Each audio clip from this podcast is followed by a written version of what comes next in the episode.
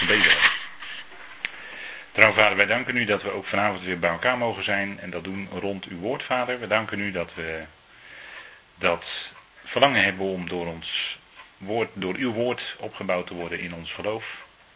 Vader, en dank u wel voor dat machtige woord van u dat zeer vast is. Uw woord dat niet verandert en uw woord dat steeds weer nieuwe diepte laat zien. Dat komt omdat het uw woord is, vader, geen mensenwoorden. En zo hebben we het ook aangenomen als uw woord en niet als een woord van mensen. We danken u, vader, dat u zeer veel heeft onthuld door de apostel Paulus. De diepste diepten van uw heilsplan. Dat machtige plan van tijdperken. En vader, we weten precies waar we zitten in dat plan. We danken u dat we zitten zo tegen het einde van deze boze eon. En als we om ons heen kijken, dan zien we inderdaad het karakter van deze eon helemaal ten voeten uit. En het wordt steeds erger, vader, en daarom verlangen we naar de terugkeer van uw zoon bij de bazuin. Vader, dank u wel dat we dan elkaar zullen weerzien. Allen die ons ontvallen zijn, wij zullen ze terugzien. En dat in verheerlijkte lichamen, vader. Zo geweldig. We danken u dat we daarna uit mogen zien. We danken u, vader, voor dat woord van u wat u ook spreekt in ons leven en wat weer klinkt in onze wandel. We danken u, Heer, dat we ook vanavond weer een aantal versen met elkaar mogen bekijken. Geef daarin wijsheid, uw leiding door uw geest. En dat mag zijn tot lof en eer van uw naam. Vader, daar dank u en daar bidden u voor in die machtige naam van uw geliefde Zoon. Onze Heer Jezus Christus. Amen. Goed, wij zijn uh, in Romeinen 14 en ik wil graag met u lezen vanaf vers uh, 13. En laten wij kijken naar die uh, eerst met elkaar lezen. Ik lees u uit de herziende statenvertaling. Laten wij dan niet langer elkaar beoordelen, maar oordeel liever dit, de broeder geen aanstoot of oorzaak tot struikelen te geven. Ik weet en ben overtuigd in de Heer Jezus dat niets in zichzelf onrein is. Alleen voor hem die van mening is dat iets onrein is, voor die is het onrein. Maar als uw broeder om wat u eet bedroefd wordt, dan wandelt u niet meer naar de liefde. Richt door uw eten niet hem te gronden voor wie Christus stierf. Laat dan het goede dat u bezit niet gelasterd worden. Want het koninkrijk van God bestaat niet uit eten en drinken, maar uit gerechtigheid en vrede en blijdschap in Heilige Geest. Want wie Christus in deze dingen dient, is welgevallig voor God en in achting bij de mensen. Laten wij dus najagen wat de vrede en de onderlinge opbouw bevordert. Breek niet om wat u eet het werk van God af. Alle dingen zijn wel rein, maar het is zondig voor hem die door wat hij eet aanstoot geeft. Het is goed geen vlees te eten, geen wijn te drinken en niets waaraan uw broeder aanstoot neemt, waarover hij struikelt of waarin hij zwak is. Hebt u geloof? Heb dat bij uzelf voor God. Zalig die zichzelf niet oordeelt in wat hem goed dunkt. Wie echter twijfelt als hij eet, is veroordeeld omdat hij het niet uit geloof doet. En alles wat niet uit geloof is, is zonde. Nou, tot zover dit stukje van uh, Romeinen 14. Voor ons denk ik toch hele bekende woorden, maar toch de moeite waard om daar vanavond ook weer naar te kijken. Romeinen 14 en uh, dan begint dat in vers 13. Laten wij dan niet langer elkaar oordelen, maar oordeel liever dit, de broeder geen aanstoot of oorzaak tot struikeling te geven. Dus de ander, medegelovige, hè, met andere woorden, is uh, onze houding zou er een zijn van liefde. Dat betekent dat je de ander niet tot aanstoot of struikelblok wil zijn.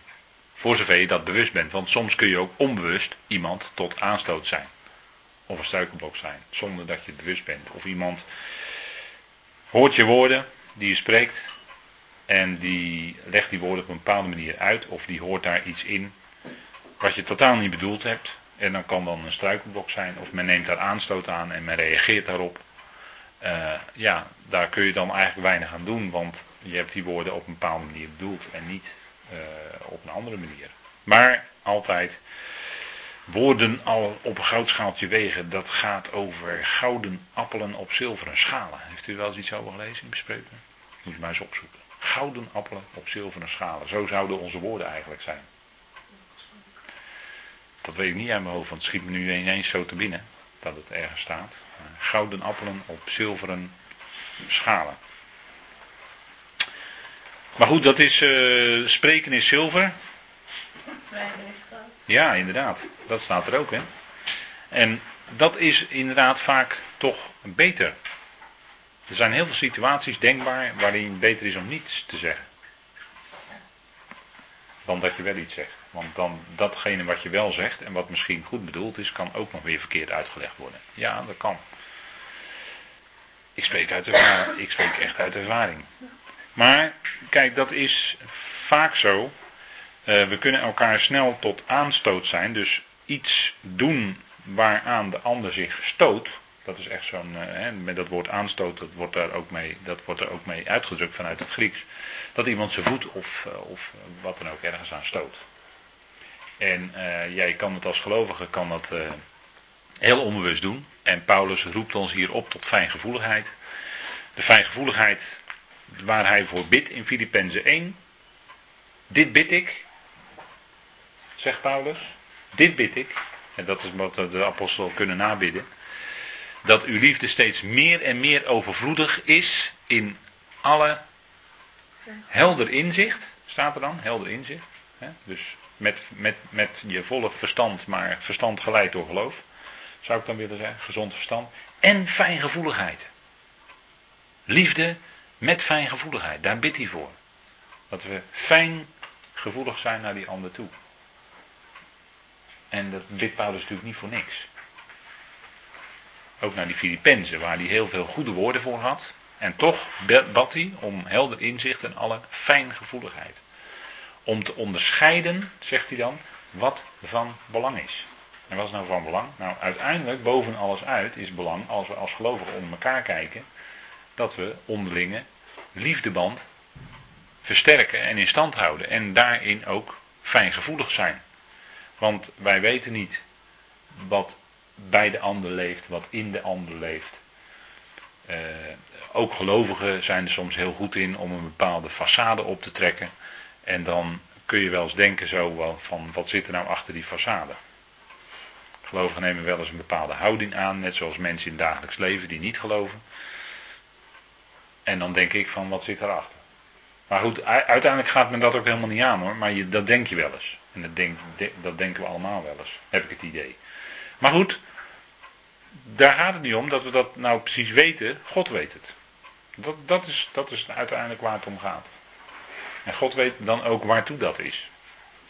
En waarom iemand dat doet. Waarom iemand. Nou ja, dan ga ik bijna op de psychologische toer. En dat wil ik eigenlijk helemaal niet.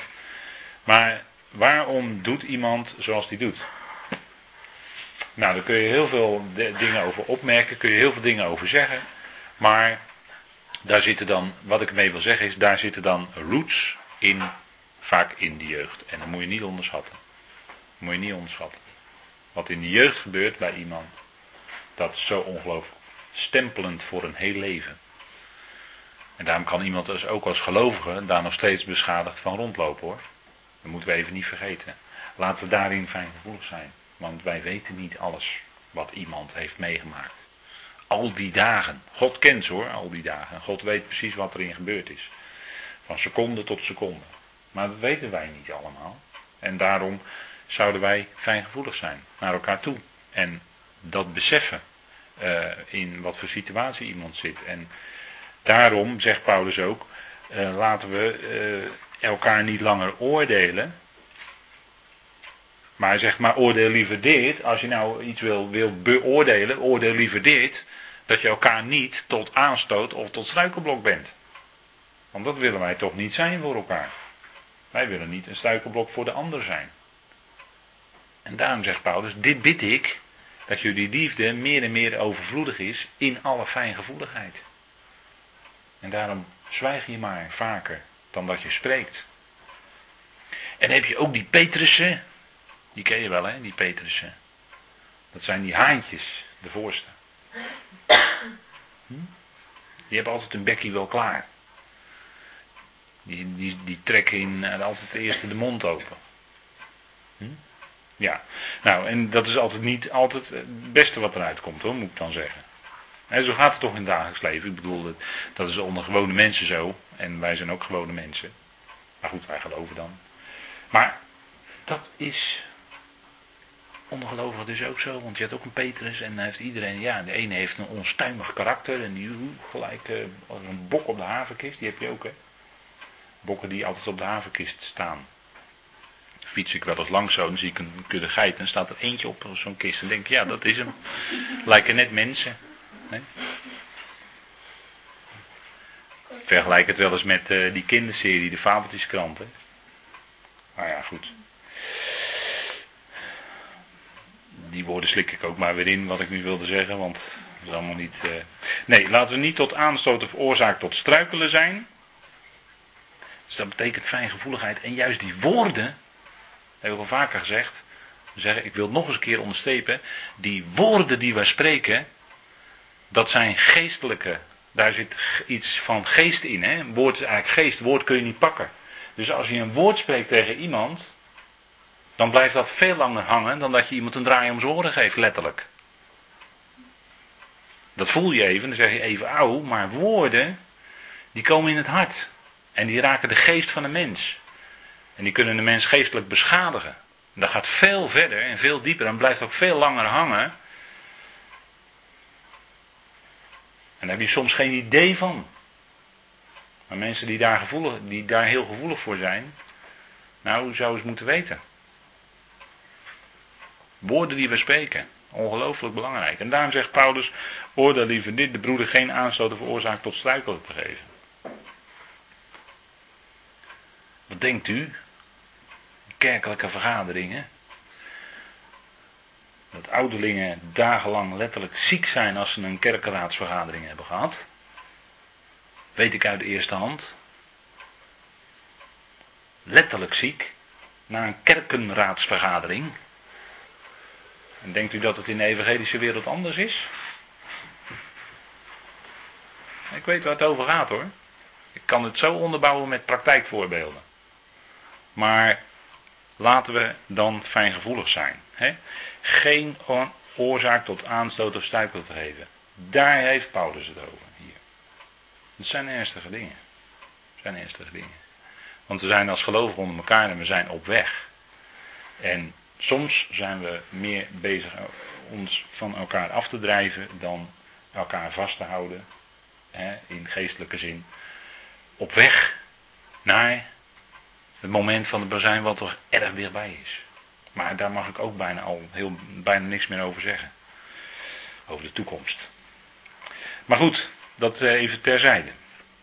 En dan zegt Paulus, ik weet en ben ervan overtuigd in de Heer Jezus dat niets in zichzelf onrein is. Alleen voor hem die van mening is dat iets onrein is, voor die is het onrein.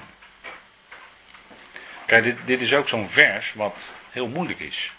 Dit is een vers wat heel moeilijk is. Want Kijk, we zijn soms als gelovigen ook wel soms een beetje schuw voor dingen. Maar het gaat erom dat uh, Paulus hier gewoon heel duidelijk zegt van uh, wij kunnen alles in feite uh, op ons af laten komen. En natuurlijk toetsen wij dat aan het woord. Maar in zichzelf is niets onrein. Kijk, als je, laat ik maar een eenvoudig voorbeeld noemen, en daar bedoel ik echt niemand mee. Maar het gebeurt gewoon onder gelovigen. Als gelovigen vanuit hun verleden of vanuit hun opvoeding of uh, laten we zeggen vanuit hun uh, achtergrond het, het, niet kunnen om bijvoorbeeld iets wel of niet te eten, laat ik het maar even algemeen houden, dan ehm, is het voor iemand die dat vanuit de opvoeding heeft meegekregen en echt tot geloof is gekomen, kan het heel moeilijk zijn om bijvoorbeeld iets te eten. Of eigenlijk liever zal die persoon dat niet eten. Want voor die persoon kan dat als onrein gelden om dat te eten. Terwijl we als gelovigen, dat hebben we ook de twee keer geleden met elkaar gezien, terwijl we als gelovigen eigenlijk volledig vrij zijn. Wij kunnen alles eten, maar dat is voor de sterke in het geloof. En als iemand uh, op dat punt nog zwak is in het geloof, dan zou die bepaalde dingen onrein kunnen achten om die te eten. Dus die eet hij niet. En daarin, zegt Paulus, elkaar niet uh, oordelen. En Paulus zegt daarbij van, eh, als iemand iets onrein acht, dan is het voor die persoon onrein. Maar op zichzelf genomen, bijvoorbeeld, kan wel weer het voorbeeld van het offervlees aanhalen in 1 Korinthe 8. Dat heb ik toen ook gedaan. Gelovigen die uit de heidenen tot geloof waren gekomen en die vroeger bij die heidense godsdiensten betrokken waren, waarbij dat vlees aan afgoden geofferd werd, die wilden misschien vanuit die achtergrond dat aan de afgoden geofferde vlees niet eten. En als ze wisten waar dat te koop was, dan zouden ze daar hun vlees niet kopen, want het was aan de afgoden geofferd en in hun ogen onrein.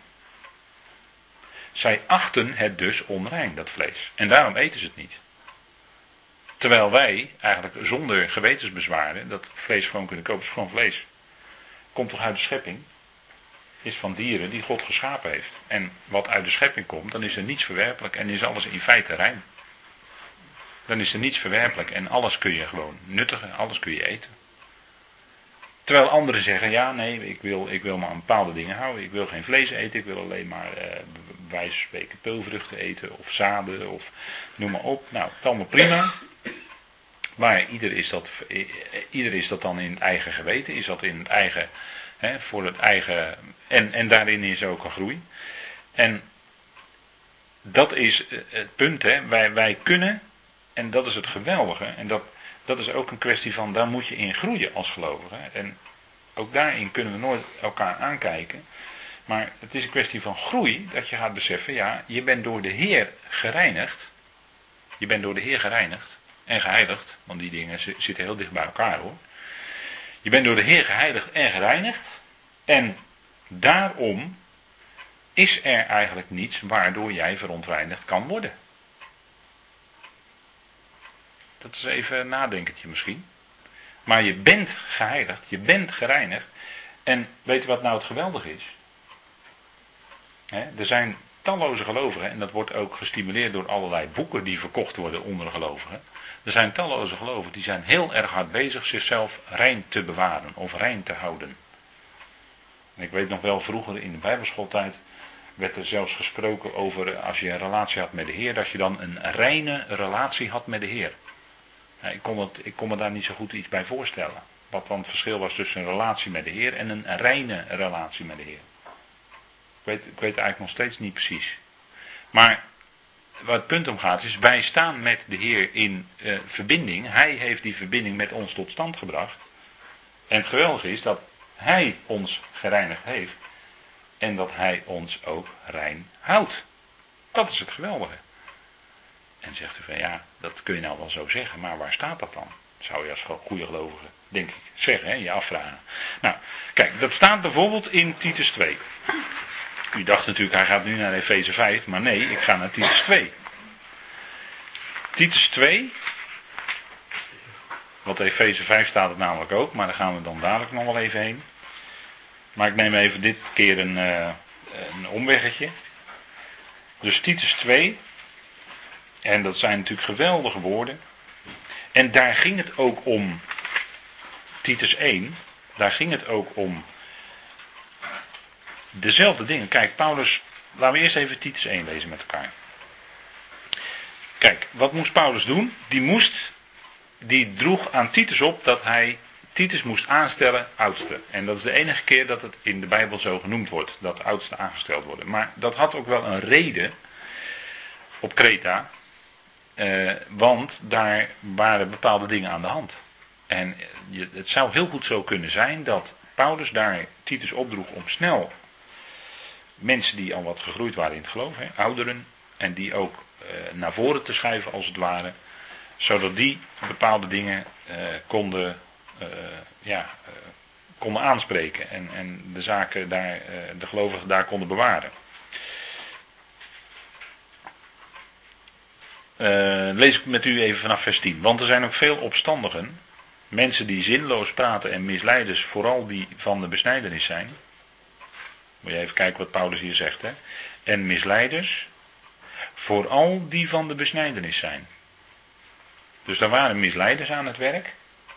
En het waren vooral zij die van de besnijdenis zijn. Paulus was natuurlijk zelf ook een van de besnijdenis. Maar dat waren dus kennelijk judaïsten. Die waren daar bezig. Ik kan het niet anders verklaren. Hè? Als er staat vooral die van de besnijdenis zijn. Dat zijn judeisten. Men moet hun de mond snoeren. Zij brengen hele huisgezinnen in verwarring door te leren wat onbehoorlijk is om schandelijke winst. Ziet u? Door te leren wat onbehoorlijk is om schandelijke winst. Dus dit, zijn, dit waren dus ook kennelijk predikers die er een gewoonte van maakten om munt te slaan uit de woorden die zij spraken. Laat ik het maar zo zeggen. dus die uh, winst maakten en die uh, geld vingen voor hun leerlingen. zij leerden dan en daar kregen ze dan geld voor. Laat ik maar heel simpel zeggen. Een van hen, hun eigen profeet, heeft gezegd: Cretensen zijn altijd leugenaars, kwade beesten, luie buiken. In de NBG-vertaling staat er dan vatsige buiken. En die hebben het nog wel wat aangedikt, die buiken. Dit getuigenis is waar, wij zijn daarom streng terecht opdat zij gezond zullen zijn in het geloof. Kijk, daar ging het om. Het ging niet om dat Paulus nou zo graag wilde dat er streng terecht gewezen werd, maar het ging er Paulus om, dat was de bedoeling, dat ze gezond zouden zijn in het geloof. Daar ging het om. En daarom moesten bepaalde leerlingen, en daardoor ook dus, ja, kennelijk hen die dat brachten, streng aangesproken worden. En zich niet zullen bezighouden met Joodse verzinsels, of Joodse verdichtsels. Wat dacht u van de Talmud? Ja, sorry, maar dat, is, dat, is, dat, dat zijn de tradities. Naast de Tenach. En de Heer Jezus was daar niet misselijk over hoor. Die was daar heel hard in om dat uh, terecht te wijzen. Maar dat zijn de tradities naast de schrift en die leiden de mens af van de schrift. Ja, zo ligt het wel. En geboden van mensen die zich van de waarheid afkeren. Ziet u waar dat toe leidt? Joodse verzinsels, geboden van mensen, dus wat er naast nog aan allerlei regels erbij gegeven werd. En wat gebeurt er dan? Die zich van de waarheid afkeren. Die zich van de waarheid afkeren. Dat is dan het resultaat. Ze werden van de waarheid afgekeerd. En waar heb ik dat meer gelezen? Alle dingen zijn wel rein voor hen die rein zijn. Maar voor hen die bezoedeld en ongelovig zijn, is niets rein, maar hun verstand en ook hun geweten zijn bezoedeld. Ziet u het? Ziet u het? Hoe het zit? Alle dingen zijn wel rein voor hen die rein zijn. Dus de gelovigen. Maar voor hen die bezoedeld en ongelovig zijn, is niets rein. Maar hun verstand en ook hun geweten zijn bezoedeld. Dus, en zij worden dan geleerd kennelijk door vooral hen die van de besnijdenis zijn. Ik volg gewoon hier wat er staat. Hè dat er allerlei dingen zijn die zij niet mochten aanraken, niet mochten proeven. Colossense 2, hè, uh, citeer ik nu eigenlijk.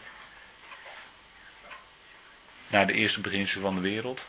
Dus er werd ze geleerd dat allerlei dingen onrein zijn, dat ze daar vanaf moesten blijven, dat ze dat niet mochten eten, dat ze dat niet mochten smaken, niet proeven.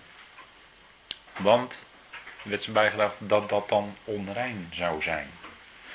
En dat heeft alles te maken met al die dingen die ernaast gegeven zijn. Dus hij zegt, alle dingen zijn wel rein voor hen die rein zijn. En dat lezen we ook net in Romeinen 14. Hè?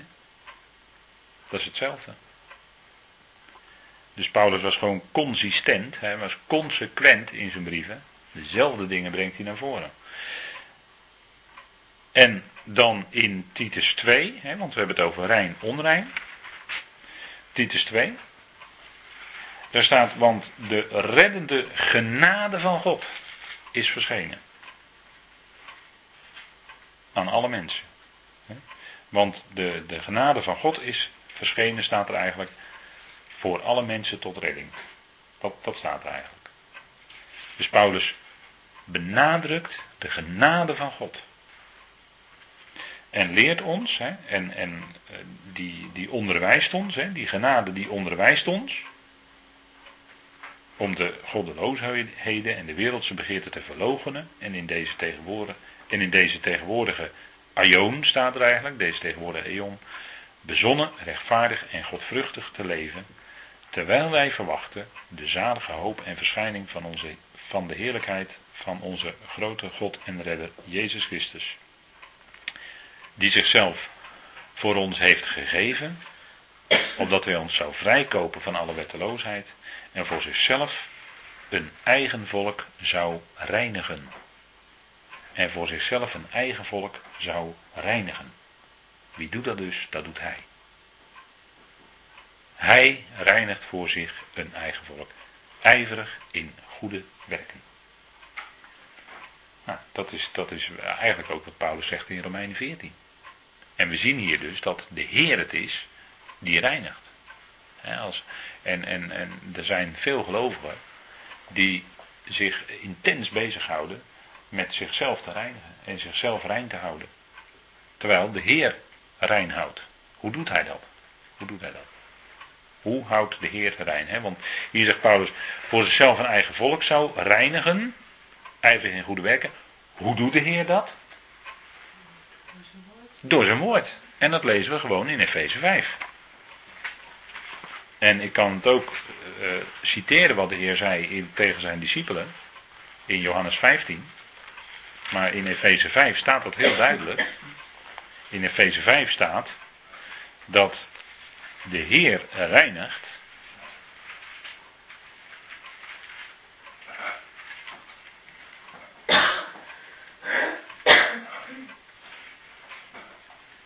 Over Christus en de gemeente.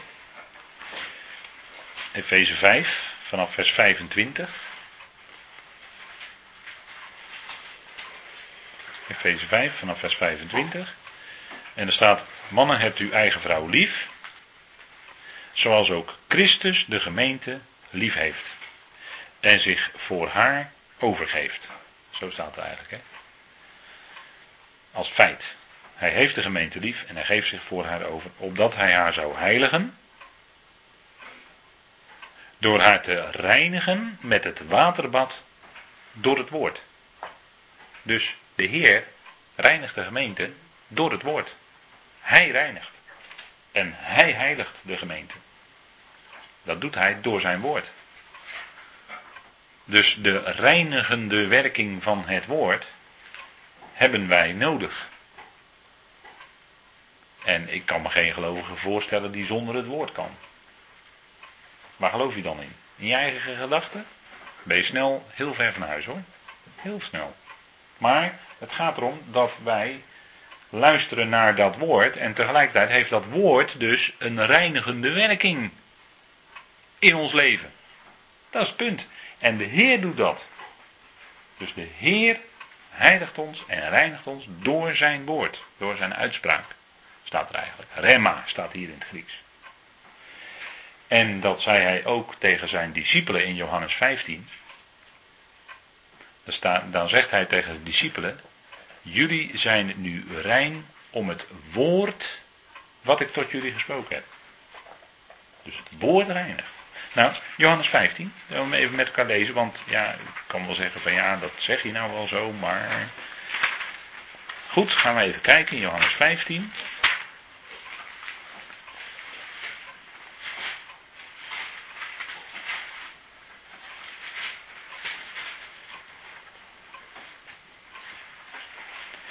En in een beeld, maar daar moet je altijd voorzichtig mee zijn, maar in een beeld is het voor ons ten voorbeeld geschreven.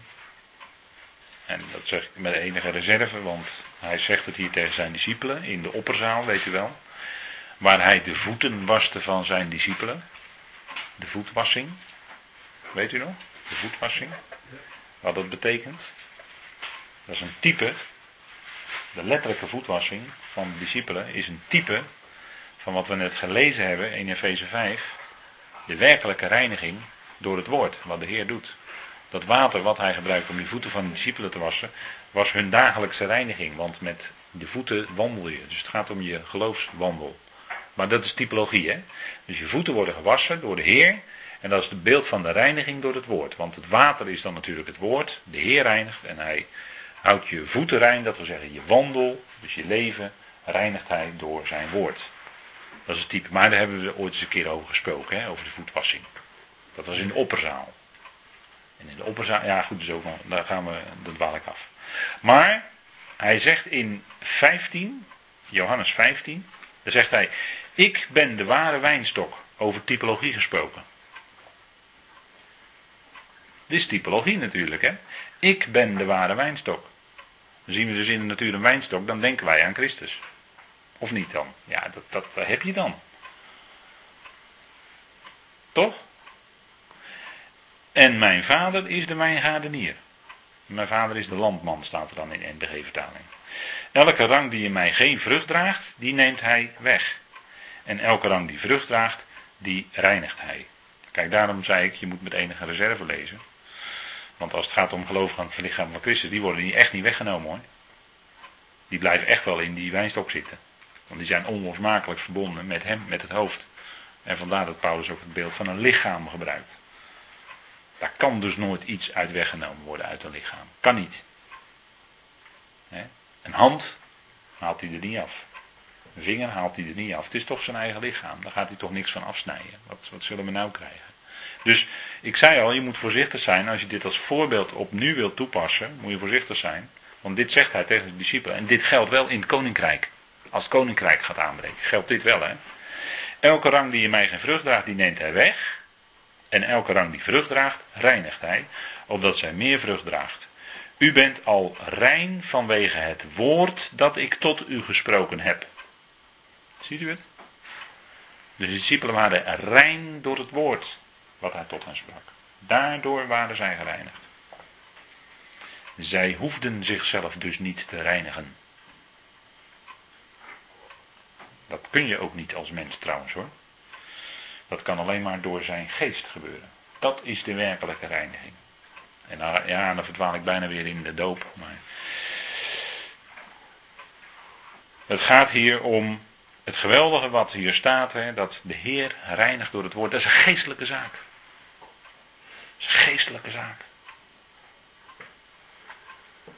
En de Joden kenden natuurlijk het mikvee. Dat weet ik ook wel. Waarin ze ondergedompeld worden. En dat zien ze in de afsnijding van de wereld. Maar dat is alleen maar een type. Dat is niet de werkelijkheid, dat is een type. Maar de werkelijkheid is dat we door de geest gereinigd worden. Omdat we gedoopt zijn in zijn geest. Dat is de werkelijke reiniging. En dan hebben we dat water niet meer nodig. Want water is alleen maar een type daarvan. Het water reinigt niet. Je kan tien keer gedoopt worden. En nog niet rein zijn hoor. De geest reinigt. Als je gereinigd bent door de geest, dan ben je werkelijk rein. En dat heeft natuurlijk alles te maken met het woord. Want het woord is geest. Het woord is iets geestelijks. Nou, rein is omdat hij ons gereinigd heeft. Omdat hij ons rein maakt. En dat is wat zoveel gelovigen helaas, helaas, helaas missen. Die boot missen ze en dan zijn ze heel druk bezig. Met zichzelf te reinigen. Terwijl, terwijl ze door de Heer al lang rein verklaard zijn. En denken we, ach, wat is het toch verdrietig. Je besteedt zoveel tijd aan iets waar je eigenlijk helemaal geen tijd aan hoeft te besteden. Nee, hij doet dat. Je, je houdt het bij het woord en je leeft bij het woord en je vult je met het woord. En dat reinigt ons hart. Dat woord reinigt ons hart, toch? Onze harten zijn gereinigd door, door zijn woord. Dat is, dat is wat, wat werkelijk en, en diepgaand en grondig reinigt. Daar, daar hebben we, en we praten vanavond over rein en onrein. Nou, Paulus zegt, dan zijn we weer terug in Romeinen 14. Ik weet en ben ervan overtuigd in de Heer Jezus dat niets in zichzelf onrein is. Maar alleen voor hem die van mening is dat iets onrein is, voor die is het onrein. En als je nog niet los bent van de afgoden, ja, dan moet je geen, eh, als je dan eh, moeite hebt om afgoden vlees of voedsel te eten wat aan afgoden gewijd is, als je daar moeite mee hebt, moet je het niet doen. Moet je het niet doen. Totdat je die geweldige waarheid tot je door gaat dringen dat er maar één God is. Er is maar één God. En er is maar één Heer Jezus Christus. Zijn zoon. En er is maar één God uit wie alles is. En we kennen maar één Heer Jezus Christus. Door wie alle dingen zijn. En als je dat kent, dan, dan weet je, ja, maar alle andere afgoden zijn dus niets. En dat stelt dus helemaal niets voor die, die stellen echt helemaal niets voor hoor. Afgoden. Dat zijn afgoden. Die, maar daar pikt Paulus in 1 Korinthe 8 gewoon doorheen. Dus als er nou vlees is dat gewijd is aan de afgoden, dan weten wij ja, maar die afgoden, daar trekken wij ons helemaal niets van. Het beste wat je met afgoden, demonen, kunt doen is gewoon negeren. Dat is de beste manier om ze te bestrijden. Zodra je ze aandacht gaat geven en gaat proberen jezelf daarvan te reinigen enzovoort, ga je ze aandacht geven. En dan worden ze alleen maar sterker van, want dat willen ze graag. Maar wat zouden we doen? We zouden ze gewoon domweg negeren. Dat is het beste wat je met afgoden kan doen. Ja hoor. Kijk, en die demonen die, die gaan echt wel weg hoor, door het woord. Die gaan niet weg als ze in de naam van Jezus. Sorry dat ik het zo zeg, maar die gaan niet weg als ze in de naam van Jezus uitgedreven worden in diensten. Gaan ze niet weg. Worden ze alleen maar sterker van. Dan gaan er hele rijen namelijk omvallen in die diensten. En weet u wat er dan gebeurt? Er gebeurt echt wel iets hoor, want er vallen hele rijen om. Weet u hoe dat komt? Omdat ze die, die demonen geven ze eh, veel te veel macht en kracht in, in zulke diensten. Ik ben er niet bij geweest, maar ik heb het wel gezien op een video. En je weet niet wat je ziet. Maar dan zijn er dus krachten en machten aan het werk. En er wordt geen woord gepredikt door in zulke diensten. Denk het maar niet. Echt niet. Wordt echt het woord niet open gedaan. Ja, er wordt wel wat bijbelteksten, maar dat is dan een bonte verzameling. En dat is niet het woord open doen. Sorry. En ik weet wel dat het heel erg eigenwijs klinkt als ik het zo zeg, maar er wordt echt niet het woord open gedaan. Maar het woord is datgene wat die krachten. En dan, dan ga je ook geen aandacht meer aan ze besteden. En dan weet je dat er maar één God is. En dat de rest is allemaal, stelt helemaal niets voor. Je kunt er zich heel groot voordoen, maar het is niks. Het is net een ballon, je prikt erin, het is weg. En dat is ook wat Jezaja zegt. Laat me even Jezaja, want dan moet ik toch de hele tijd aan denken als ik dit vertel. Jezaja 44, is dat wel, of ik kan ook Psalm 115 nemen natuurlijk. Maar Jezaja 44 is ook wel aardig. Kijk, en dat is eigenlijk een beetje humor. Want mensen zeggen, ja, die, die, mensen, die gelovigen die hebben helemaal geen humor. Jawel hoor. En God heeft zelf ook humor. Dat is uh, absoluut. Want hij die in de hemel woont zal lachen, zegt Psalm 2 toch? Kijk, en die volkeren die gaan maar tekeer en de Verenigde Naties en uh, die verzamelen zich en een tien-statenbond. En hij die in de hemel woont, die zal lachen. Het is helemaal niks voor hem. Hij kan dit doen, het is weg. Dat is God. Zo zouden wij ook over God denken. Zo groot, hè? Dat wij als mensen kunnen heel wat proberen voor te stellen. Maar het is niks, mensen. Het is echt helemaal niks. Dat helpt je om een beetje te relativeren wat er aan de hand is. Maar wat doet de mens? Nou, kijk, in Jezaja 44 staat vers 12. De ijzersmid smeet een bijl, werkt in de vuurgloed, vormt het beeld met hamers, bewerkt het met zijn sterke arm. Hij lijdt zelfs honger en heeft geen kracht meer. Hij drinkt geen water en raakt afgemat. De timmerman spant een meetlint uit, tekent het hout af met een krijtstift, maakt het glad met schaven, tekent het af met een passer en maakt het naar de vorm van een man. Ziet u wat hier gebeurt? Naar de schoonheid van een mens, om het in een huis te laten wonen. Hij hakt voor zichzelf ceders om en neemt, neemt een cypres of een eik en kweekt die voor zichzelf op tussen de bomen van het woud. Hij plant een olm en de regen maakt die groot. Ze dienen de mens tot brandhout. Hij neemt ervan en warmt zich erbij. Dus eh, wij zouden zeggen, we doen het in de open haard, hè, s'avonds. Hij steekt het ook aan en bakt brood. Kan je er ook nog mee doen, hè. Je kan er brood bij laten. Ook maakt hij er een god van. Van hetzelfde hout, hè. Waarvan, deels gaat het dus in de open haard, zeg maar. Ook maakt hij er een god van. En buigt zich ervoor. Hij maakt er een gesneden beeld van en knielt ervoor neer. Dus hij maakt zichzelf eerst een beeld van het hout, waarvan hij het ene deel al in, in, de, in de open haard heeft gegooid. En het andere deel, daar maakt hij een god van. En daar gaat hij nog voor buigen ook. Dat is toch eigenlijk humor, als je er zo van afstandje naar kijkt. De helft daarvan verbrandt hij in het vuur, en bij die helft eet hij vlees, braadt een braadstuk en wordt verzadigd. Ook warmt hij zich en zegt, ha, ik word warm, ik zie, ik zie vuur. En van de rest maakt hij zich een god, zijn gesneden beeld. Hij knielt ervoor, buigt zich, bidt het aan en zegt: Red mij, want u bent mijn God. Dat is toch eigenlijk humor. Ze weten niet en begrijpen niet, want hun ogen zijn dichtgesmeerd zodat ze niet zien en hun harten zodat ze niet begrijpen. Niemand neemt het ter harte. Er is geen kennis en geen inzicht om te zeggen: De helft ervan heb ik verbrand in het vuur. Ook heb ik brood gebakken op de houtskool ervan. Ik heb vlees gebraden en gegeten. En zou ik van het overgebleven hout iets gruwelijks maken, zou ik knielen voor een stuk hout?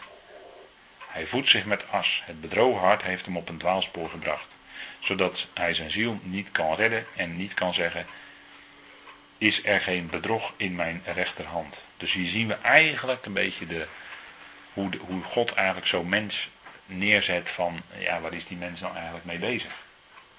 Hij maakt zichzelf van God, van dezelfde hout waaraan hij zich warmt en waarin hij brood bakt. Dat kan hij beter doen. Maar hij maakt zich ook nog een God en verwacht daar redding van, notabene. En zo zien we dat de mens dus in zijn eigen gedachten heel snel ver van de weg af is. En Psalm 115, daar kunnen we ook wel even lezen, die zegt ook iets over die afgoden. Hè? En dat kun je ook gewoon van demonen zeggen. Ja, ik noem ze een paar keer, maar dat is nou niet bepaald om ze nou zoveel aandacht te geven. Want dat hebben ze eigenlijk helemaal niet, uh, dat, dat verdienen ze eigenlijk helemaal niet.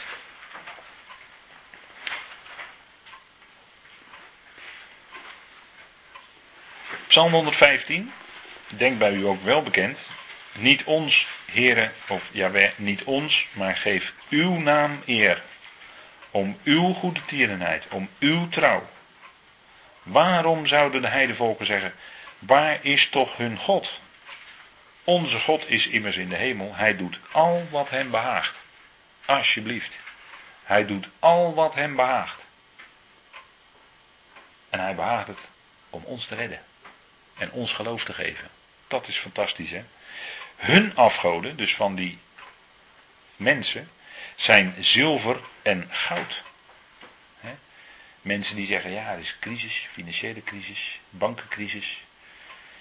Ik moet mijn geld in veiligheid brengen, ik ga zilver en goud kopen. Doen nou ook mensen hoor. En die speculeren dan dat die prijs daarvan gaat stijgen. Dat ze dan in tijden van tekort genoeg zullen hebben. Nou, wij vertrouwen op Yahweh. Wij vertrouwen op God. En wij zeggen, onze God is in de hemel en hij doet alles wat hij mag. Daar vertrouwen we op. En hij zal zorgen dat wij genoeg hebben. Hun afgoden zijn zilver en goud, het werk van mensenhanden.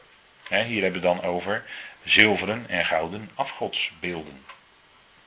En dan zie ik zo van verschillende godsdiensten processies, van die optochten met veel zilver en goud vormen. Zie ik dat allemaal zo gaan en zo rammelen en rinkelen. Het, het is het werk van mensenhanden. Kijk, ze hebben een mond, maar spreken niet. Ze hebben ogen, maar zien niet. Ze hebben oren, maar horen niet. Ze hebben een neus, maar ruiken niet. Hun handen die tasten niet. Hun voeten die gaan niet. Er komt geen geluid uit hun keel. Laat wie ze maken hun gelijk worden, al wie op hen vertrouwt. Israël, vertrouw op de Heer. Vertrouw op Yahweh. Hij is hun hulp en hun schild. Dat zou Israël doen. Doen ze vandaag niet hoor. Ze vertrouwen op eigen kracht, op eigen behendigheid, slimheid. Maar eh, er komt een tijd dat ze niet anders meer kunnen dan dit gaan doen. Gewoon vertrouwen op Yahweh. Maar dan kan het ook niet anders meer. Dan kunnen ze niet naar links, niet naar rechts, niet naar voren, niet naar achteren. Dan kunnen ze alleen nog omhoog. En daar is hij. En dan zal hij er ook zijn. Begrijpt u? En wij kennen hem als redder. Hè? Zoals uh, zondag prachtig door André gezegd werd. Ja, Jehoshua, dat is hem. Hij is de ware Jozua. Wordt hij in Hebreeën ook mee vergeleken. Hij is Jozua eigenlijk. Hij is die ware Jozua. Yahweh is redder. Jezus, wij kennen hem. Hij heeft ons gered. Dat is toch fantastisch? Dus wij hebben geen afgoden nodig. Want ja, die horen niks. En wij kunnen elke dag tot vader spreken. En die hoort ons wel. En die weet precies wat in ons omgaat. En weet wat we nodig hebben. Stap voor stap, minuut tot minuut, seconde tot seconde zou ik bijna zeggen. Kent u ook van die momenten in uw leven dat u denkt van als ik één seconde later van dit kruispunt af was geweest, was ik onder die auto gekomen. Hebt u die momenten wel eens gehad? Ik wel. Dat ik dacht van zo, dat was precies op tijd. Dat, ik was net weg. Hm? Nou, die ene seconde is door God dus bepaald, hè? Dat je daar aan, aan ontkomt. Anders zou ik hier niet zitten. En u ook niet. En kijk, zo is ons leven in zijn hand. En dan weten we, Jawel, onze God doet alles wat hem behaagt. En dat is nou het fantastische van de schrift. Kijk, hierdoor, door dit te gaan beseffen, door dit te horen, wordt uw hart en uw gedachten dus gereinigd. Hè? Worden gereinigd van eigen vleeselijk denken. U gaat denken zoals hij de dingen ziet. Dat is reiniging van ons hart en onze gedachten. Dat gebeurt dan. En dat hebben we nodig als gelovigen. Elke keer weer. En dan verdrijft dat. En ik spreek daar met, met eh, een beetje reserve over, maar dan, laat ik het voorzichtig zeggen, dan kan dat uit ons leven angsten verdrijven. Want wat met angst met de mens doet, dat is niet, dat is niet te weinig. Dat kan zo vreselijk zijn. En het kan zo onbeheersbaar worden. Maar het woord hebben we nodig. Het woord reinigt ons. En het woord verdrijft de angsten uit ons leven. Heeft u die ervaring? Ik wel. dat is wat het woord doet. Dat is wat God doet. En dat wens ik u allemaal toe. Hè, die luistert.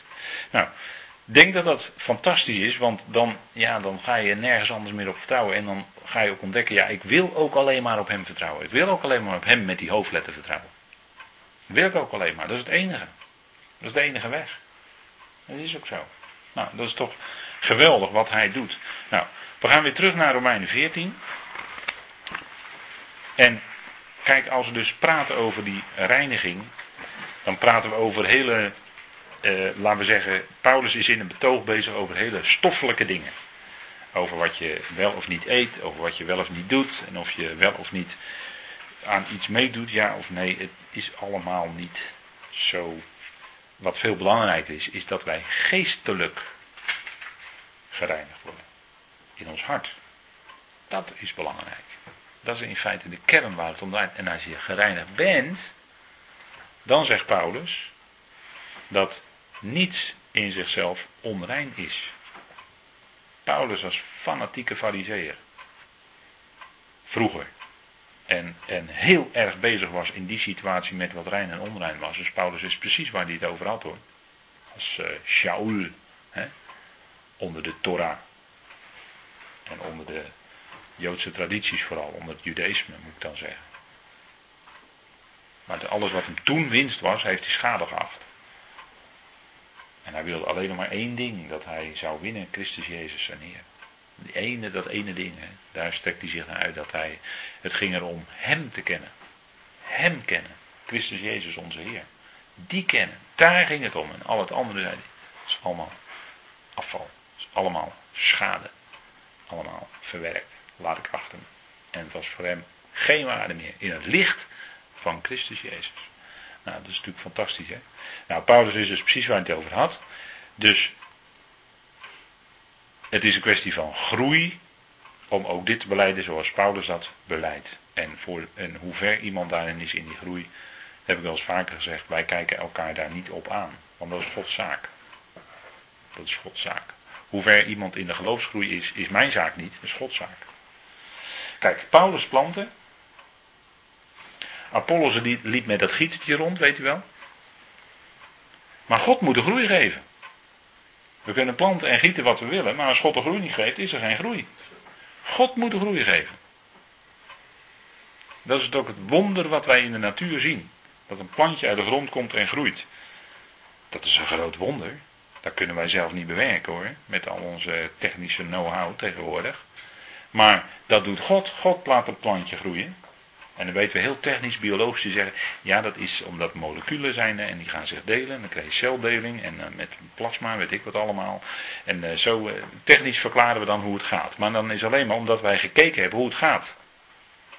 Maar waar nou die groeikracht in zit en waarom dat nou groeit en hoe dat groeit, weten we niet hoor.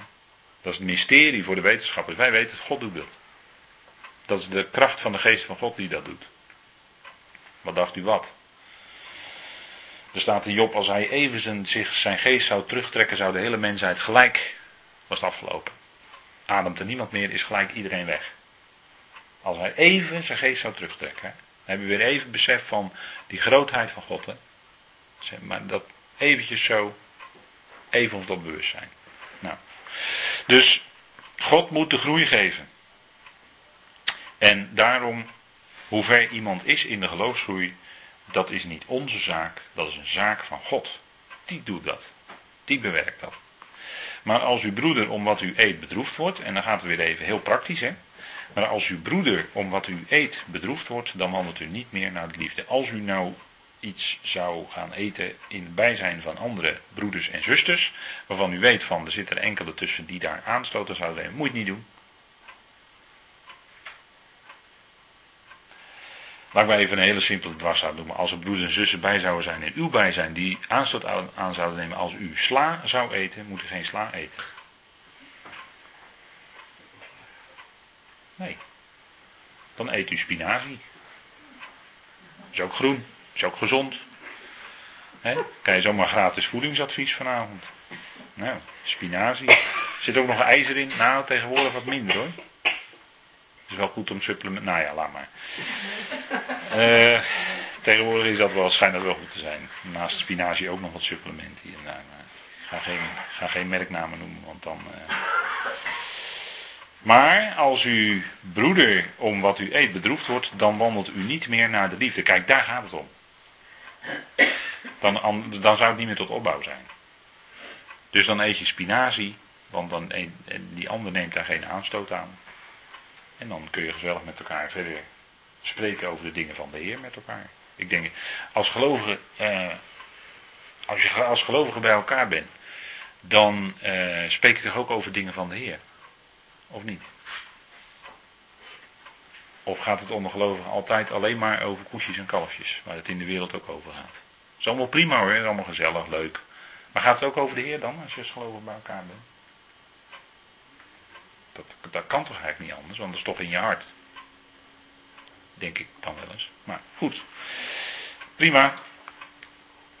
Dan wandelt u niet meer naar de liefde. Richt door uw eten niet hem te gronden voor wie Christus stierf. En dat zouden we ons bewust zijn. Kijk, al die medegelovigen, ook voor diegenen is Christus gestorven. Voor ieder individueel. Zo kostbaar is die medegelovige voor God.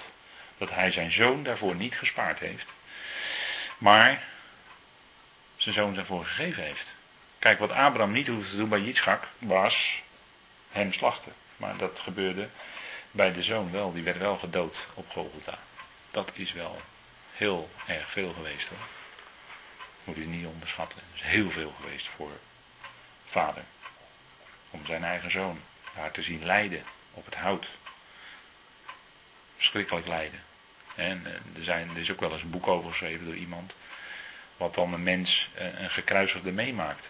Als die gekruisigd werd. Hè. Een straf die de Romeinen vaak uitvoerden in die tijd. Wat er dan in je lichaam gebeurt. En wat voor helse pijnen dat teweeg brengt. Dat is echt niet te min geweest hoor. En dat heeft, daardoor, door die diepte is de Heer gegaan. Dus voor wie Christus gestorven is, voor wie Christus stierf. En natuurlijk, hij is opgewekt. Er wordt hier gesproken over Christus, dat is de opgewekte. Maar hij is wel degene die ook een vreselijke dood is gestorven. Voor al die medebroeders en zusters. Laat dan het goede, zegt Paulus, dat uw bezit niet gelasterd worden. En laat er dan niet aanstoot en ook niet aanleiding kunnen zijn tot lastering door hen die buiten staan bijvoorbeeld. Van kijk, daar heb je die gelovigen weer en die hebben weer een, uh, iets waarover ze met elkaar uh, ruzie hebben. Dan gaan ze uh, rollenbollen over de straat, bij wijze van spreken. Al ruziend gelovigen. Het is soms een beschamende vertoning. En dan wordt het terecht gelasterd door de wereld. Dan moet je zeggen, kijk, moet die kijken, die gelovigen. Nou, daar wil ik niet bij horen. Die uh, Hoekse en Kabeljauwse twisten. Dat ging uh, er heftig aan toe hoor in de geschiedenis. En vandaag de dag wat meer binnenskamers, maar daar gaat het ook heftig aan toe. Laat dan het goede, zegt Paulus, dat uw bezit niet gelasterd worden. Goed, laten we daarbij maar even gaan pauzeren. Over eten en drinken gesproken.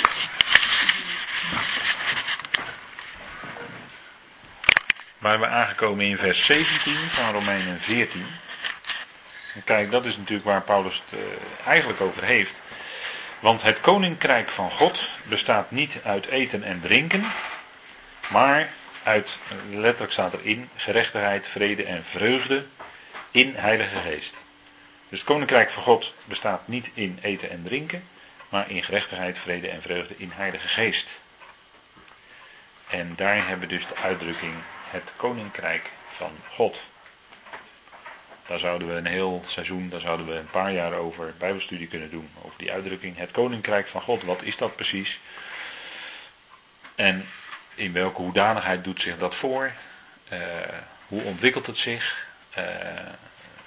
Het aardse aspect, het hemelse aspect. We zouden daar heel lang over kunnen studeren. Maar Kijk, waar, Paulus hier om gaat kijken. wat is het koninkrijk van God? Het koninkrijk van God is eigenlijk de. Dat is het Griekse woord basileia. Basileia. En dat betekent de konings eigenlijk de heerschappij als een koning. En door het woord koning of koninkrijk worden wij direct al gewezen op iets aards. Maar daar moeten we even in de eerste plaats niet aan denken.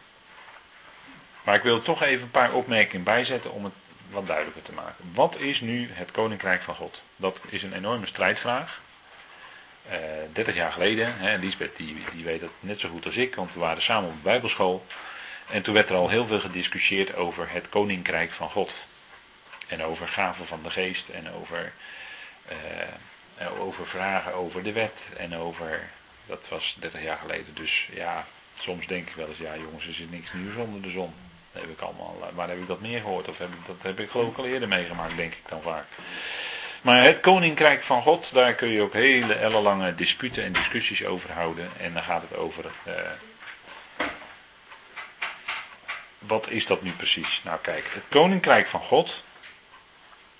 Dat wordt in de evangeliën vaak gebruikt. Die uitdrukking, het koninkrijk van God.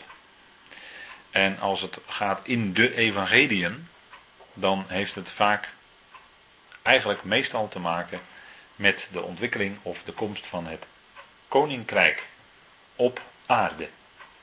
Het Messiaanse koninkrijk op aarde. In die zin wordt de uitdrukking het koninkrijk van God vaak gebruikt in de evangelie. En daarnaast, en dat brengt voor sommigen nog veel meer verwarring, maar ik verzeker u dat het echt niet zo moeilijk hoeft te zijn. Daarnaast wordt ook de uitdrukking alleen in Matthäus gebruikt, het koninkrijk der hemelen. Dat is het aardse koninkrijk, opnieuw zeg ik dan hetzelfde, dat is het Messiaanse koninkrijk, wat inderdaad uit de hemelen komt, want het is het koninkrijk van de hemelen. Daar staat er in het Grieks een zogenaamde tweede naamval. Dat leren we misschien in het Nederlands niet meer op scholen, de basisscholen. Weet ik niet hoor, maar ik denk, ik vrees wel eens van niet. Want het zou best wel goed zijn. Maar van de hemelen is een tweede naamval. En dat duidt dan op de oorsprong van iets. Waar komt het vandaan? De tweede naamval beantwoordt de vraag waar vandaan. Verder ga ik er niet op in, want anders, wordt het uh, taal uh, vanavond en dat doen we niet. Maar het is wel even belangrijk om te weten. Het koninkrijk der hemelen komt dus uit de hemelen op de aarde. En die uitdrukking ontleent Matthäus eigenlijk aan Daniel 2, vers 44. Waar staat dat de God des hemels een koninkrijk zal oprichten wat niet meer zal vergaan. De God des hemels richt een koninkrijk op. Vandaar koninkrijk der hemelen bij Matthäus.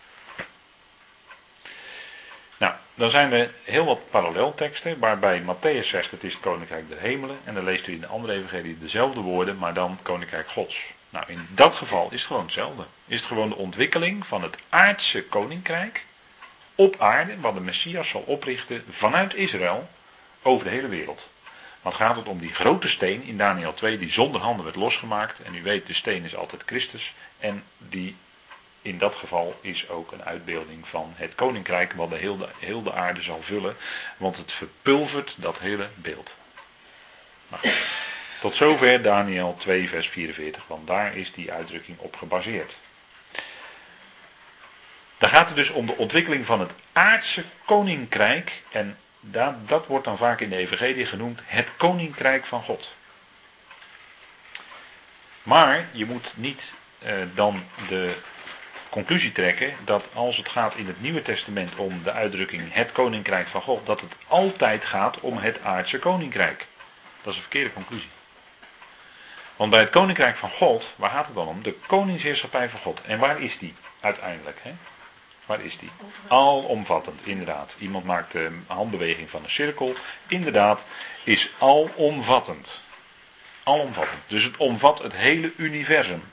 En hoe dat universum in elkaar zit. Nou. Nou. Maar goed, dat is in ieder geval alomvattend. Dus het koninkrijk van God zal uiteindelijk alomvattend zijn. Als God alles in allen is, is overal het koninkrijk van God. Overal waar je maar kunt bedenken het hele universum is het koninkrijk van God. Dat is uiteindelijk het alomvattende. Ander antwoord kan je eigenlijk niet geven, want de uitdrukking zegt het al. Hè? Het is het koningsheerschappij, dus de heerschappij van God. En waar is God niet? Nou, God is overal. Dus hij heeft alles in zijn hand. En dat het zichtbaar wordt voor de hele schepping, dat is pas aan het einde van zijn plan. Maar het is eigenlijk altijd al zo. God regeert eigenlijk altijd al over alles. Maar het koninkrijk van God is dus alomvattend. En in de evangelie, en dat is, daar zit de verwarring.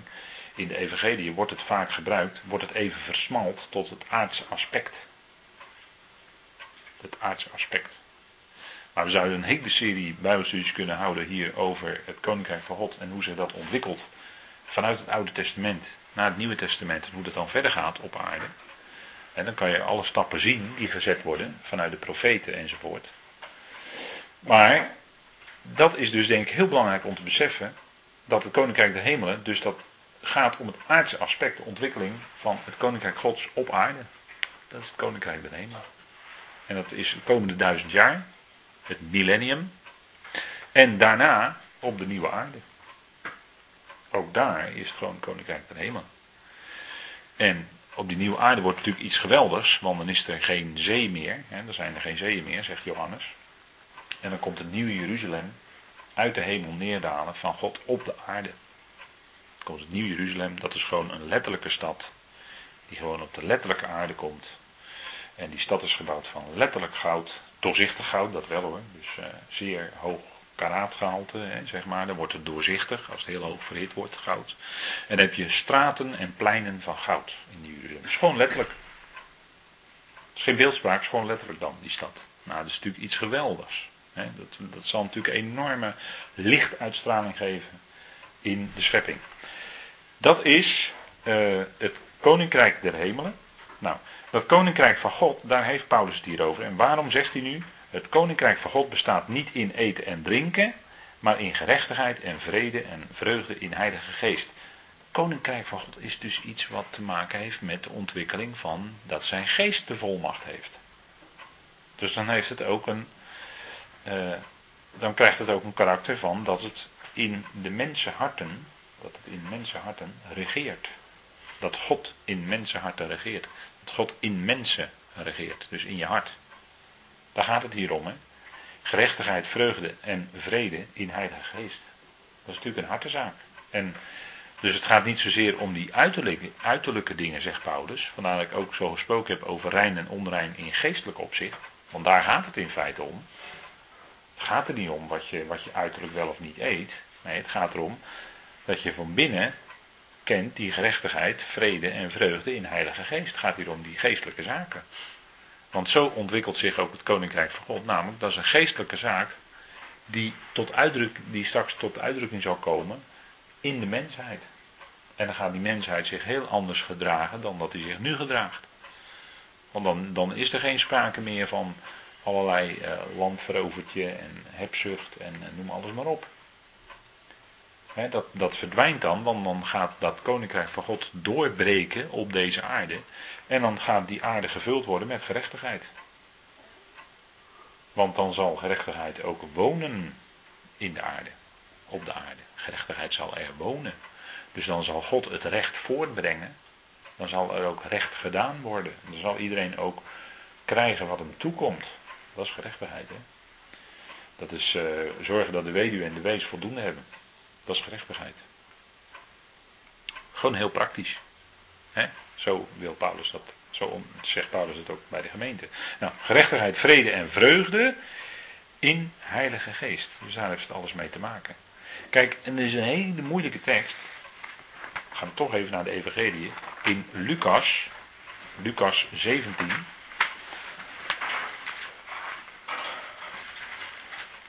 Die wordt ook vaak verkeerd, helaas, verkeerd uh, uitgelegd. En dan gaat het ook over die uitdrukking het koninkrijk van God.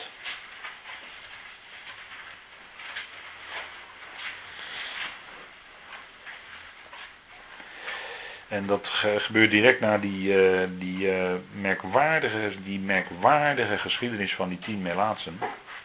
Want toen trok hij door Samaria en Galilea. Ja, wat zou dat nou betekenen? Maar goed, daar komen we misschien nog wel eens een keer op. Maar we gaan naar vers 20 en daar staat. En toen hem door de Fariseeën gevraagd werd wanneer het koninkrijk van God zou komen, antwoordde hij hun en zei: Het koninkrijk God, van God komt niet op waarneembare wijze. En men zal niet zeggen, zie hier of zie daar, want zie, het koninkrijk van God is binnen in u. En hij zei tegen de discipelen, er zullen dagen komen dat u naar verlangen zult, één van de dagen van de Zoon des Mensen te zien, en u zult die niet zien. Goed, even tot zover. Wat zei de Heer Jezus hier? Want hij werd door de Farizeeën gevraagd wanneer het koninkrijk van God zou komen. En op zich was die vraag wel ergens uitgeboren. Want de Heer Jezus had namelijk gepredikt: bekeert u. Want. Het koninkrijk is naar wij. Het koninkrijk is naar wij, precies. He, Matthäus 3, vers 2. Bekeert u. Eerst zei Johannes de Doper dat. En daarna de Heer Jezus. Bekeert u. Want het koninkrijk der hemelen is nabijgekomen. Dus dat hadden die fariseeën natuurlijk best wel erg opgepikt. Want die kenden, die kenden hun tenag wel hoor. Die wisten ook precies waar de Messias geboren zou worden. Bethlehem. Efrata. Schitterend hoor. Dat het daar, daar precies gebeurt. in Bethlehem. Is echt fantastisch. Kan, kan, kon eigenlijk ook niet anders. dat, dat loopt over van de typologie als je daarover gaat nadenken. Maar dat wisten ze precies, die uh, fariseeën en schriftgeleerden. Ze wisten het precies, dat hij daar geboren zou worden. Micha 5 vers 1. Ook gij Bethlehem Efrata. Hij zei het minst onder de steden van Juda. Toen we in Israël waren, konden we helaas er niet in. Want het was een, inmiddels een andere, ander soort stad geworden. Hè? Het ligt in een ander gebied, laat ik het zo maar zeggen. Helaas, ik had toch graag wel even binnen willen kijken. In Bethlehem. Daar is toch hij geboren. Dat is toch bijzonder. Broodhuis. Hè? Bethlehem, het broodhuis. Daar werd het brood des levens geboren. Daar werd het ware mannen uit de hemel geboren. En dat was hij. Hm? Hij die de, de hongerige menigte spijzigde met brood. Als beeld van dat hij ons spijzigt met zijn woord. Dat is natuurlijk typologie. de mens zal niet, toch niet leven bij brood alleen. Maar toch bij alle woord wat uit de mond gods uitgaat. Daar leven wij toch op.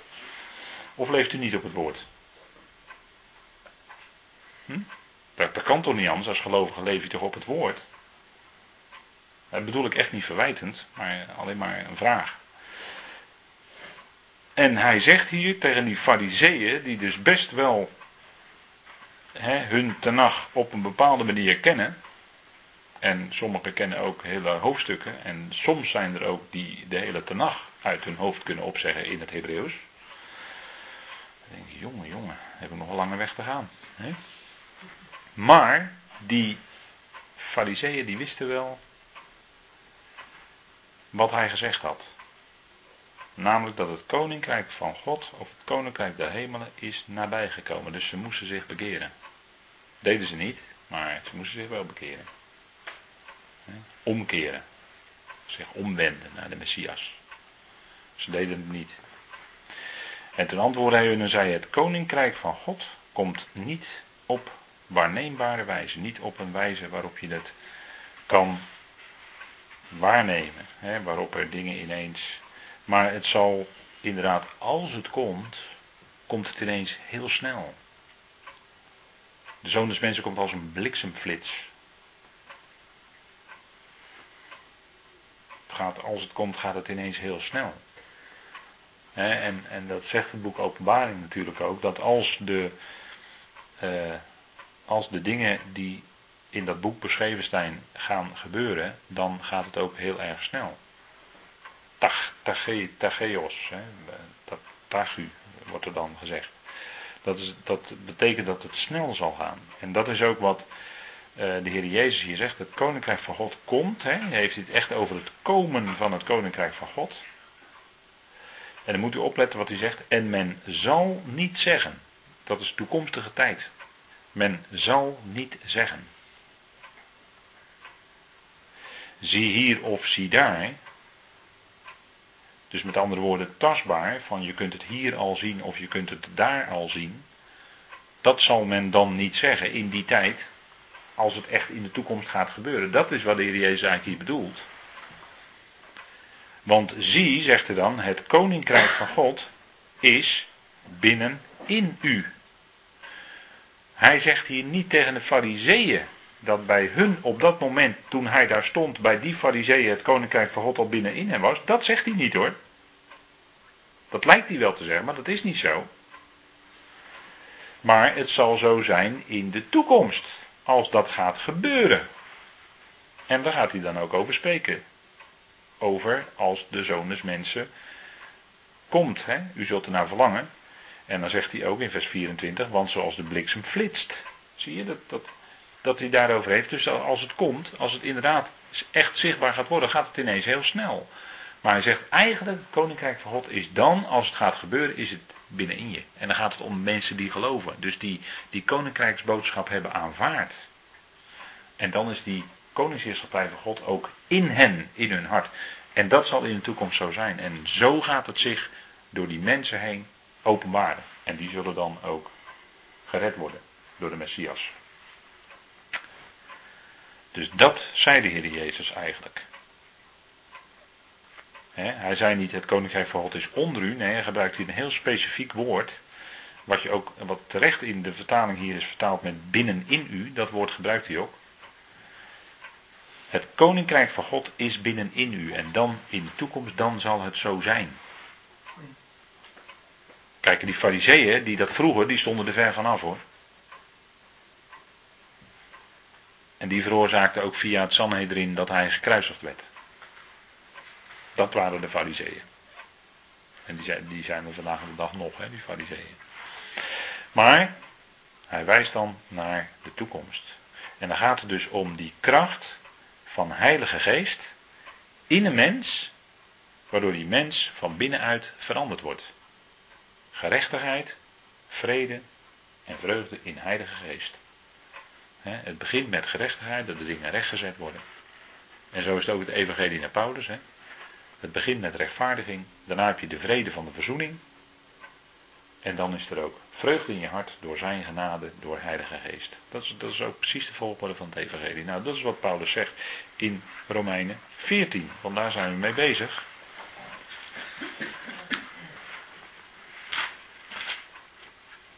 Het koninkrijk van God bestaat niet in eten en drinken, en dat is ook waar gelovigen zich onderling ook helemaal eigenlijk, als ik het heel kort samenvat, zegt Paulus, als gelovige moet je daar onderling ook helemaal niet druk over maken.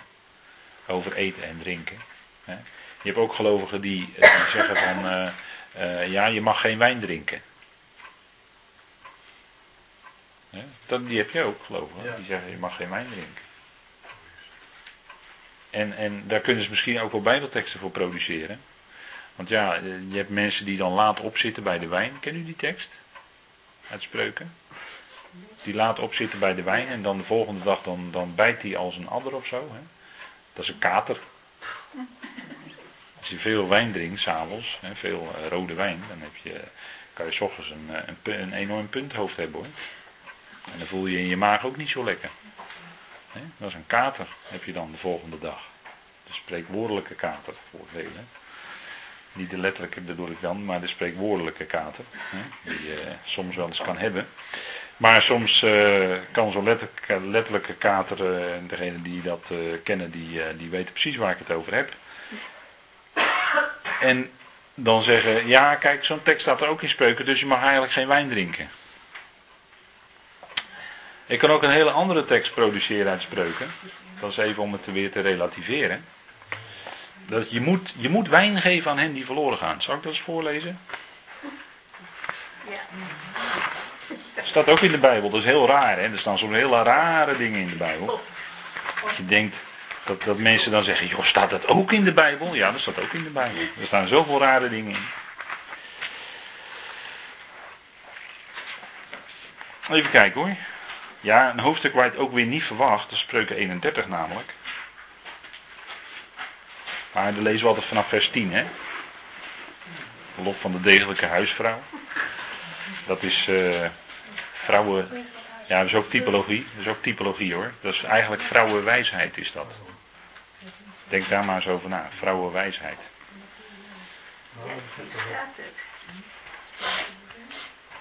Ik heb me wel eens zitten afvragen, als ik dat zo lees, de lof van een degelijke huisvrouw, dan denk ik van nou, welke vrouw kan daaraan voldoen? Want het is eentje die nooit gaat slapen. Die heeft zeker helemaal geen nachtrust nodig. Dat is echt een Martha. Nee, als je het goed leest, dan gaat die degelijke huisvrouw nooit slapen. Nou, volgens mij kan er, meestal is juist heel eh, vaak slapen. Goed, dat heb ik wel eens, wel, wel eens hier en daar zo begrepen. En er is helemaal niks mis mee, het is juist heel gezond. Maar, spreuken 31. ehm, ja, kijk, vers 6 inderdaad, dat wordt al gezegd. Geef sterke drank aan wie dreigt om te komen. Je kan het ook vertalen met verloren gaan. Dus geef sterke drank aan wie verloren gaat. Dus het staat ook in spreuken. Gek hè? En prediker staat het ook. In prediker staat het ook. Ja. Nou, die tekst wil ik graag zo meteen even horen. Drink met een vrolijk hartje wijn. Drink met een vrolijk hartje wijn. Waar, welke tekst? Dat is een leuke. Dus, waar, waar staat die? Prediker? Prediker 9, Prediker 9. vers Pakken we- 7. Pakken we die er gelijk even bij.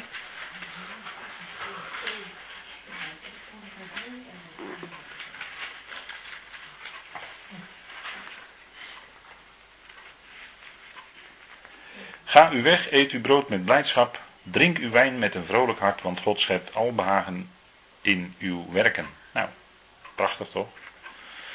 Hè? Dus een glaasje wijn bij het eten, nou ik vind het prima hoor. Doe het wel eens. Hè. soms ook wel eens twee.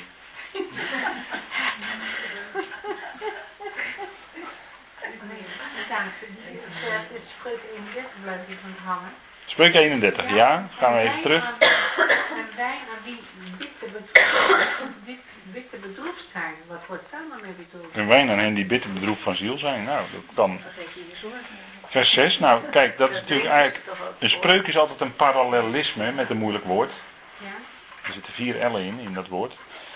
Geef sterke drank aan wie dreigt om te komen en wijn aan hen die bitter bedroefd van ziel zijn. Dat is eigenlijk parallel. Hè? Kijk, geef sterke drank staat in de andere zin, wordt het woord wijn gebruikt. Dat is eigenlijk hetzelfde. Dus die zinnen leggen elkaar eigenlijk wederzijds uit. Hè?